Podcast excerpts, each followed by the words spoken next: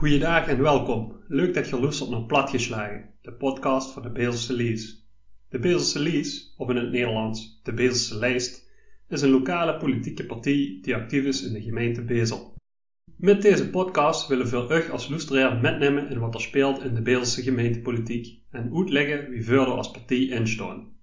Dat doen we in het plat, omdat veel als moedertaal van grote waarde vinden voor ons gemeenschap.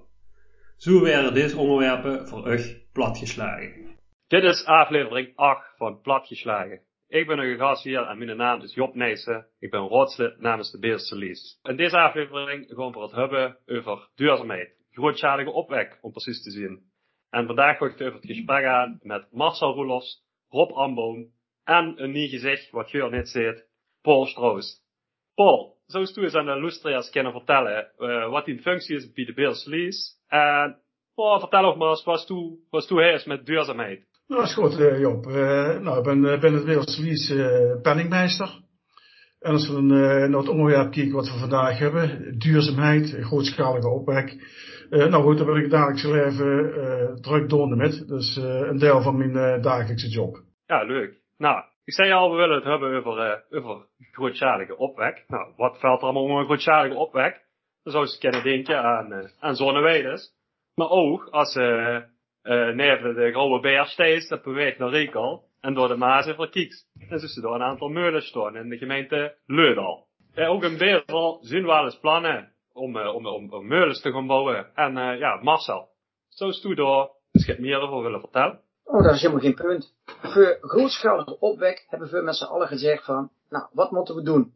We zien begonnen met een proef, dat waren kleinschalige opwek, dat waren zonnevelden tot maximaal 5 hectare, om eens te kijken wat er allemaal bij kijken. En dat was niet niks. Inmiddels zijn de vergunningen ervan verleend, subsidies zijn verstrekt en aankomend jaar gaan ze gebouwd worden. Daar hebben we heel veel van geleerd. En wat we geleerd hebben is dat we moeten rekenen op draagvlak. Draagvlak is een van de allerbelangrijkste zaken. En ik wil daar best eens op ingaan hoe we dat gaan doen. Maar draagvlak is nodig om echt een proces neer te zetten van verandering. Wie we echt met elkaar ingrijpend gewoon zeggen, zo gaan we de toekomst van ons landschap veranderen. En dat kan op hele verschillende manieren. En we hebben er als gemeente Bezel een heel plan voor bedacht. Zeg Marcel, moet ik daar vragen voor stellen? Uiteraard.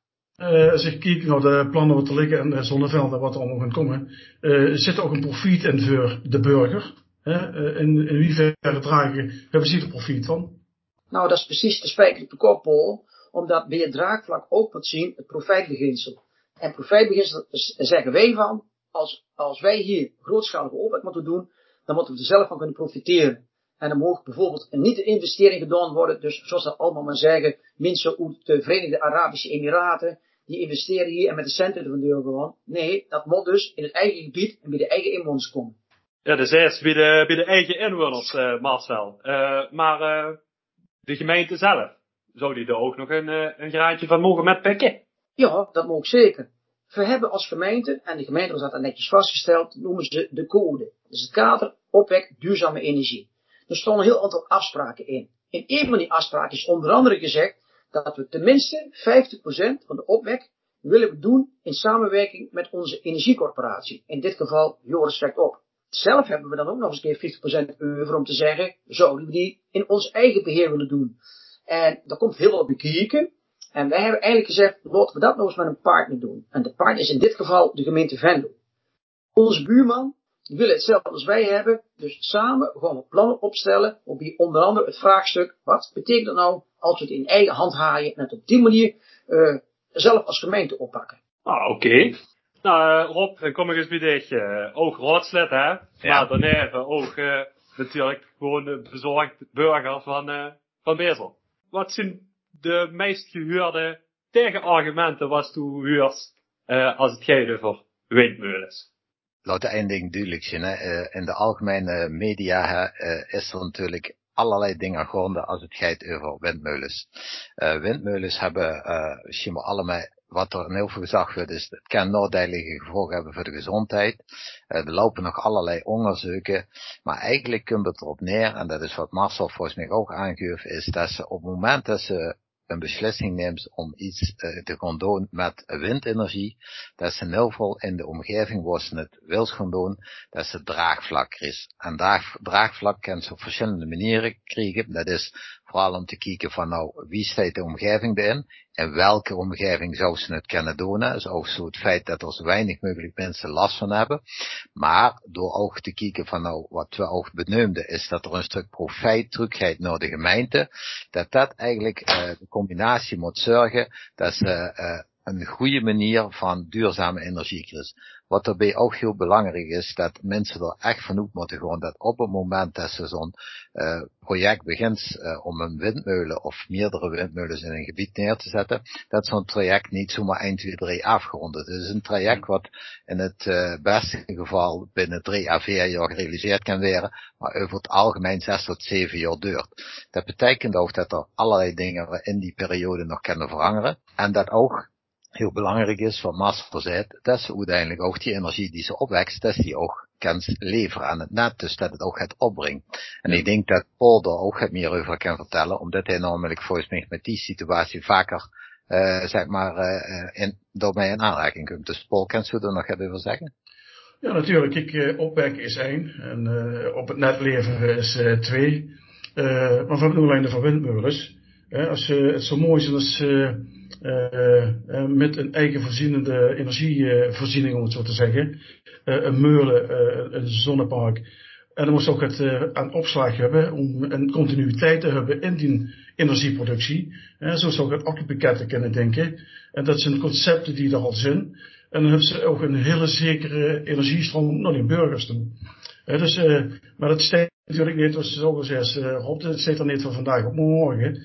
Maar dat zijn wel ideeën die ze samen kennis ontwikkelen met partijen die ermee bezig zijn. Uh, hoe schoon zou het zijn dat voor, uh, uh, nou ik eigen energie opwekken, voor eigen burgers gebruiken. Nou, wat er over is, nou, dan kan je misschien nog net of misschien wel zelfs waterstof maken, want dat is ook een hot item. Goed, uh, goed dat ze dat aansnit, uh, Paul, hè. Dat ook even het, het hè, want dat is volgens mij echt je de grote, de grote kap wat er gaan ze verheer hink. Ik ga, nee, ik ga het net al even over die windmolens wat uh, de gemeente Lud al uh, vorig jaar geplaatst heeft. Die hebben het eerste half jaar niet gedraaid. Nou, dat kwam omdat die gewoonweg niet aangesloten kozen weer nog aan het net. Nou, dat is inmiddels gebeurd. Die dingen draaien. Maar, blijf wel dat uh, de, de, de netbeheerder in onze regio, en dat is Nexus, een, een capaciteitsprobleem heeft. Klopt dat, Marcel? Dat klopt. Dat noemen ze met een mooie woord energieschaarste van het net. En uh, ja, die schaarste, daar moeten wij ook een, een plek schaar geven. Door hem uh, zien wij niet alleen als we kiezen om samen te werken met de gemeente Venlo aan het nadenken over hoe kunnen we bijvoorbeeld samen zelf 50% voor ons in aanmerking nemen om dat weer te vermarkten. Maar net zo goed onderzoeken te doen als kan er ook een systeem voor opslag op omslag komen. Opslag à la omslag, zouden we niet zelf waterstof kunnen maken. En eh, op basis van die waterstof dat als bron te gebruiken voor onze woningen. Nou, dat zijn onderzoeken, daar willen we echt naar kijken. En dat doen we ook binnen het zogenaamde regionale energiestrategie. Dat zijn eigenlijk 18 gemeentes die in Midden-Limburg samenwerken om deze hele transitie samen, uh, samen op te pakken. Maar uh, nu gewoon ik even de bezorgde burger uh, spelen. En huur ik uh, al twee maanden over waterstof hebben. Rob, ik kijk tegen aan. Als ik waterstof huur, dan dacht ik aan waterstofbommen. Is dat, uh, moet de voorstel daar niet zorgen maken? Nou, kijk, wat natuurlijk, uh, uh, ja, in het verleden waren natuurlijk de Zeppelins die uh, heel snel vlam vatten en dat het een gevaarlijk stofje is. Kijk, wat ze dus, hè, dat in, in de auto-industrie, maar op, ook op andere fronten, wordt in die technologie ontzettend veel geld gestoken.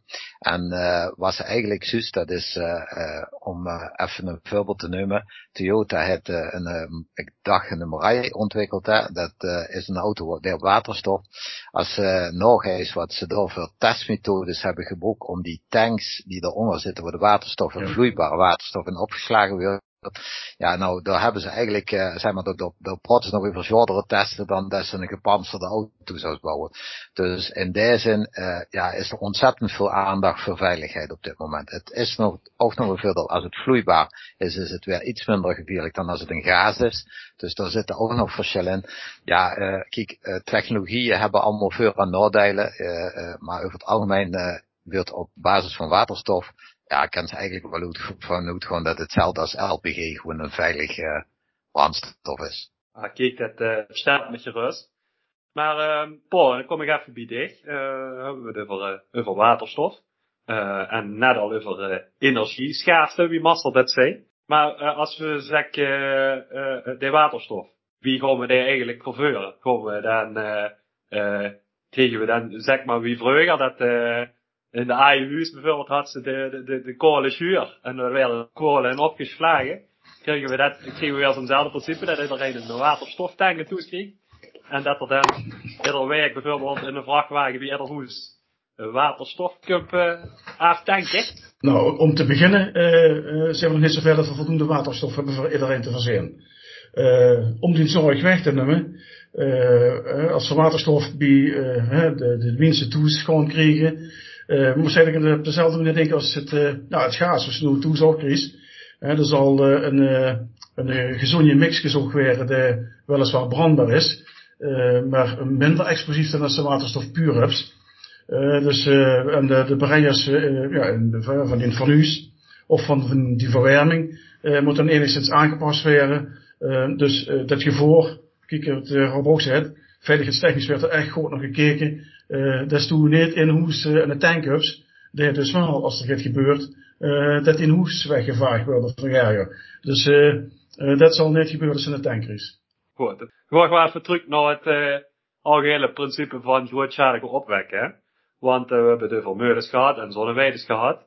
Maar hoe is de gemeente Bezel is maar, uh, is maar klein hè, qua, qua oppervlakte. Waar willen we dat in godsnaam kwijt kennen? Uh, Marcel, kun je daar even zeggen? Dat kan ik zeker zeggen. Op het moment dat we straks met elkaar hebben afgesproken dat we vinden dat we een opgave hebben waar we moeten voldoen zonder verantwoordelijkheid, hè, wat ze ze ook zelf op kunnen wekken, hebben we gekeken naar een, een, een andere aanpak. Omdat we, we willen natuurlijk dat er in een gebied terechtkomt waar iedereen vindt dat is een logisch gebied. Dus maar ze draagvlak hebben. Om dat draagvlak te creëren hebben we twee zogenaamde gebiedsverkenners op weg gestuurd.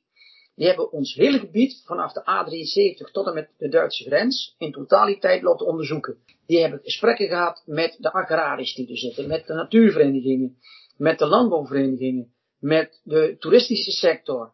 En alles bij elkaar hebben ze gezegd, hoe zien jullie nou dit gebied over pak een beetje 20, 30, 40 jaar? En die ontwikkelingen meenemende is gezegd van nou, en hoe zou dan die energietransitie een rol in kunnen hebben?